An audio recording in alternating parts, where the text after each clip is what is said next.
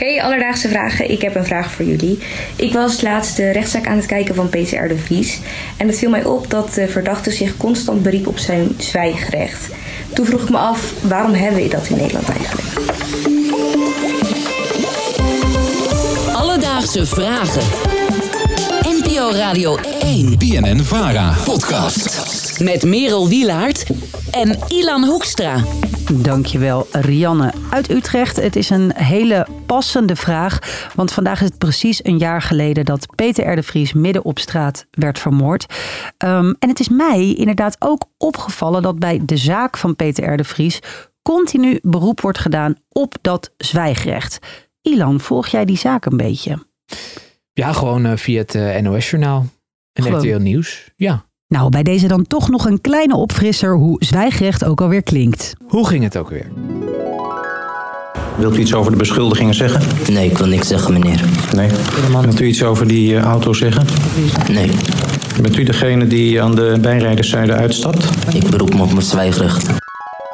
Waarom mensen zich stilhouden in een rechtszaak, ja, dat kan ik wel voor je proberen in te vullen. Maar het is natuurlijk veel beter als strafrechtadvocaat Zara Boufadis jou perfect kan uitleggen waarom dat zwijgrecht bestaat. Het zwijgrecht bestaat sinds dat we niet meer mogen martelen. Dat zwijgrecht houdt eigenlijk in dat niemand verplicht kan worden of gedwongen kan worden om aan zijn eigen veroordeling mee te werken. Dus vroeger hadden mensen, hè, dan legden ze je bijvoorbeeld eh, op de pijnbank om tot een bekentenis te komen. Nou, gelukkig doen we dat nu niet meer. En tegenwoordig vinden we ook dat elke vorm van marteling om tot een bekentenis te komen illegaal is en dat het moet worden uitgebannen.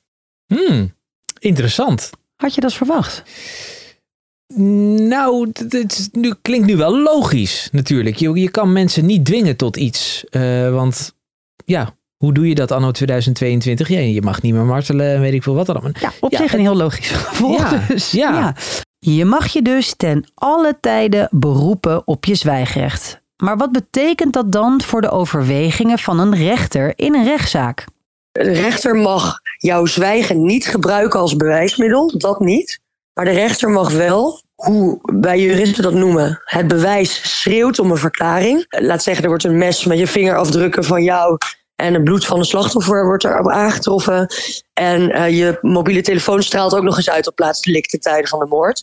Nou ja, dan zou je kunnen zeggen dat schreeuwt om een verklaring.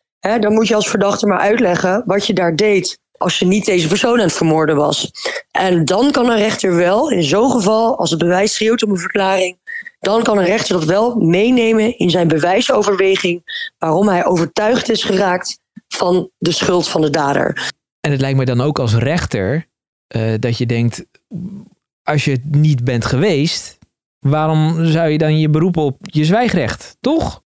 Dan zou je kunnen zeggen, ik heb die tomaat niet gestolen. Dat zou je inderdaad kunnen denken. Misschien dat je jezelf als verdachter laat overkomen. Maar het Mhm. mag dus niet meedingen in die zin. Maar naast Zara hebben we ook contact gehad met hoogleraar strafrecht Sven Brinkhoff. En hij weet je de ins en outs te vertellen over de voordelen van zwijgen. En zometeen ook de nadelen daarvan.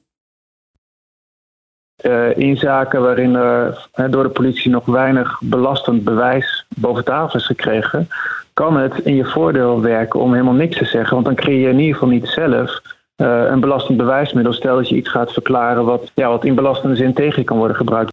En hoe het dus zit met de nadelen van dat zwijgen. En daar weet Sven ook wat van. Het kan ook ongunstig uitpakken en dat doet het ook, omdat eh, ook rechters, maar zeker ook de politie en een officier, kan het als het ware in je nadeel laten eh, uitpakken als jij zwijgt. Niet in de zin dat het dan eh, een zelfstandig bewijsmiddel oplevert, maar wel dat je als het ware dan nog meer de schijn tegen je hebt. Zijn er eigenlijk ook voorbeelden? In zekere zin zie je dat gebeuren in die zaak van Jos B., dus de zaak van Nicky Verstappen.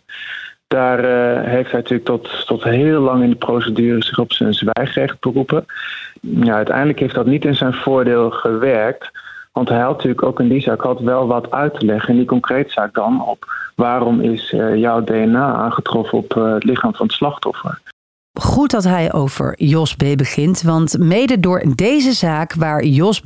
bijvoorbeeld niks loslaat over het gevonden DNA van hem op het ondergoed van Nicky Verstappen, is er op dat zwijgrecht ook steeds meer kritiek. Verschillende partijen, zoals media, slachtoffers en ook mensen uit de juridische wereld, zouden soms willen dat het zwijgrecht aan banden wordt gelegd omdat het natuurlijk heel frustrerend kan zijn in de vordering van een zaak. En ook zeker voor de emoties van nabestaanden en de antwoorden die je dan graag wil hebben. Hoogleraar strafrecht Jan Krijns zegt daarover toch in Dagblad Trouw dat het zwijgrecht een heel belangrijk recht is. Er kan namelijk anders ongeoorloofde druk op verdachten worden uitgeoefend. En vergeet niet dat waarheidsvinding, waar het in een zaak toch om draait, er niet per se beter op wordt. Mensen kunnen namelijk behalve zwijgen, natuurlijk ook nog liegen.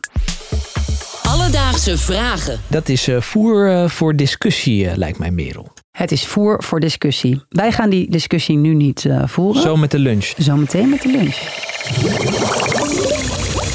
Dus Rianne, bij deze het antwoord op jouw vraag. Het zwijgrecht bestaat in Nederland omdat niemand mee hoeft te werken aan zijn eigen veroordeling.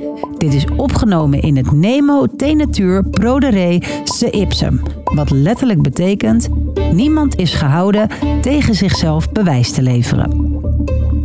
Heb jij nou ook een alledaagse vraag? Slide in de DM van Alledaagse Vragen via Instagram en laat een berichtje achter.